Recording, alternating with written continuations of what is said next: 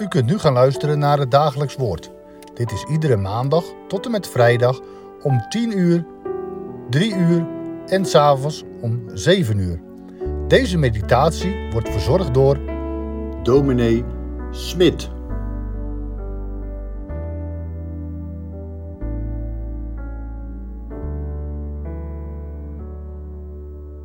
Fijn dat u weer luistert naar het dagelijks woord. Welkom. In het gedeelte van Marcus 6 dat we straks gaan lezen, wordt verteld dat de apostelen die door Jezus waren uitgezonden, bij hem terugkomen. Over hun uitzending ging het vorige week woensdag. We lezen in Marcus 6, vers 7 tot 13 dat zij de mensen opriepen tot bekering. Zieken werden gezond en demonen werden uitgedreven. En nu zijn de apostelen weer terug bij hem die hen had uitgezonden. Laten we eerst met elkaar gaan luisteren naar wat er staat in Marcus 6, de versen 30 tot en met 34. Marcus 6, vers 30 tot en met 34. En de apostelen kwamen weer samen bij Jezus en berichten hem alles wat zij gedaan en wat zij onderwezen hadden. En hij zei tegen hen: Komt u zelf mee naar een eenzame plaats, alleen, en rust wat uit. Want er waren er velen die kwamen en die gingen, en ze hadden zelfs geen gelegenheid om te eten. En zij vertrokken in een schip naar een eenzame plaats alleen. En de menigten zagen hen weggaan, en velen herkenden hem en gingen uit alle steden gezamenlijk te voet daar naartoe. En zij kwamen er voor hen aan en gingen samen naar hem toe. En toen Jezus uit het schip ging, zag hij een grote menigte en was innerlijk met ontferming bewogen over hen. Want ze waren als schapen die geen herder hebben. En hij begon hun veel dingen te onderwijzen. Tot zover dit gedeelte uit Marcus 6. Het eerste wat opvalt is dat hier voor de twaalf het woord apostelen wordt gebruikt. Niet discipelen, leerlingen, maar apostelen, uitgezondenen. Ze zijn er met volmacht van hun meester op uitgestuurd. In zijn naam hebben ze gesproken. In zijn naam hebben ze demonen het zwijgen opgelegd. Ik moet denken aan David als hij tegenover reus Goliath staat. Wat zegt hij dan? U, die reus, komt naar mij toe met een zwaard, met een speer en met een werpspies. Maar ik kom naar u toe in de naam van de Heere van de legermachten, de God van de gelederen van Israël, die u gehoond hebt. God roept mensen, nog steeds. Hij roept om in zijn naam het rijk der duisternis schade toe te brengen. Hij roept om in zijn naam te helen met het heerlijke evangelie van Jezus Christus. De Heer zal het rijk der duisternis beschamen en hij schakelt u en mij daarbij in. De Heere wil gebrokenen helen en hij schakelt u en mij daarbij in. De Heere wil ons transparant maken, zodat anderen door ons heen de Heer Jezus gaan zien.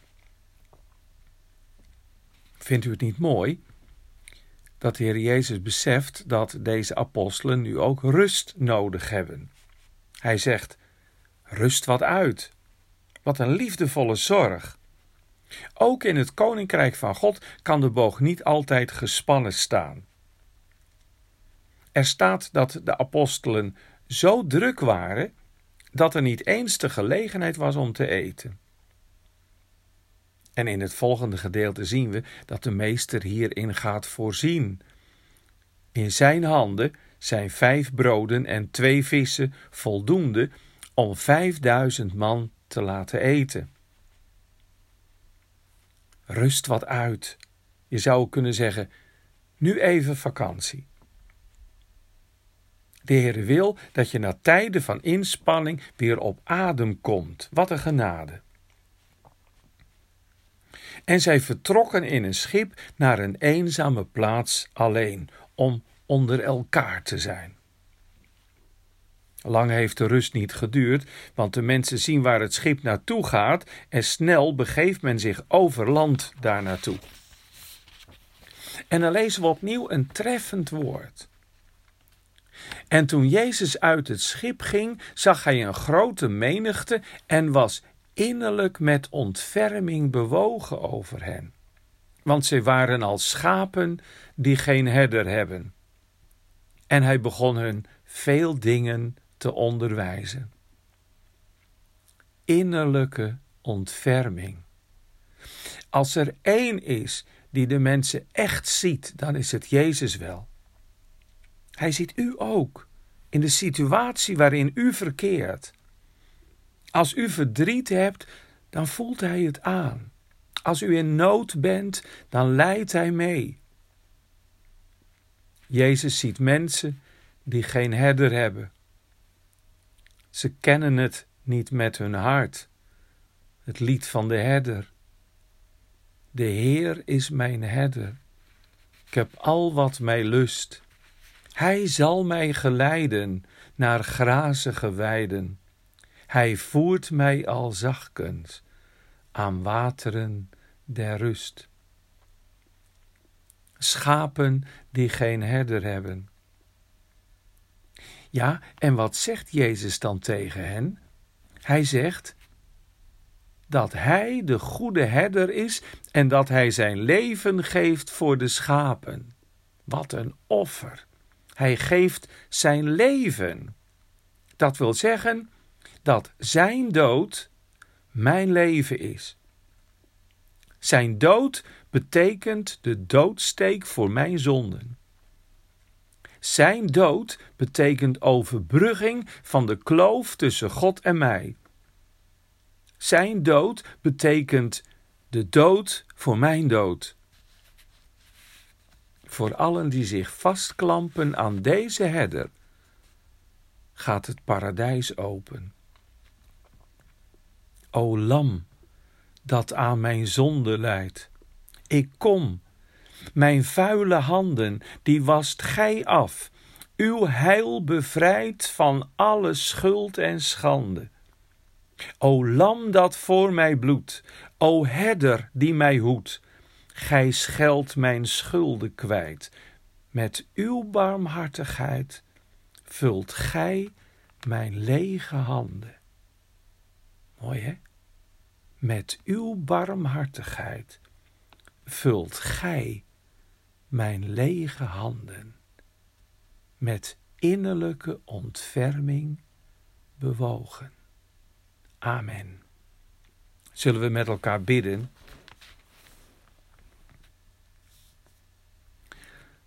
Heere God in de hemel, als we uw woord lezen, dan zien we telkens weer van die verrassende dingen van de Heer Jezus. De, de, de zorg voor, voor de twaalf discipelen, twaalf apostelen. Rust wat uit. En die innerlijke ontferming, dat bewogen zijn met mensen met innerlijke ontferming. Heren, dat, dat mag ons hart wel raken. U hebt uw zoon gegeven en hij heeft hart voor ons. Heeft alles voor ons over. Opdat wij zouden leven van genade. Heren, mogen we het dan ook telkens weer zeggen: Ik vertrouw me aan u toe, Heer Jezus. U bent mijn herder, de allerbeste. En u leidt mij in het rechte spoor, omwille van uw naam. Wij danken u voor uw woord. Wij danken u voor uw genade. Wij danken u voor uw vergeving. Wij danken u voor uw overwinning, Heer Jezus Christus. Wij bidden, wees met een ieder van ons. U kent onze situatie. De momenten van dankbaarheid, van vreugde, maar ook de momenten van verdriet, van ziek zijn, van lijden, van ouder worden. De momenten dat we een geliefde missen. Goede herder, wilt u ons leiden, ook in verdriet en zorg. We bidden voor zieken, voor hen die psychisch lijden. We bidden voor hen die, die al ouder zijn geworden en dichter komen bij het einde van het leven. Laat het licht mogen zijn om hen heen en in hun hart. Het licht van het kruis. Het licht van het bloed van de Heer Jezus dat reinigt. Het licht van het open graf. Hij overwon dood. Heren, wij bidden, wees met uw gemeente met uw kerk. Wees met de dienaren van het woord, met allen die zich inzetten om uw gemeente op te bouwen. Bewaar hen dicht bij u, bescherm hen.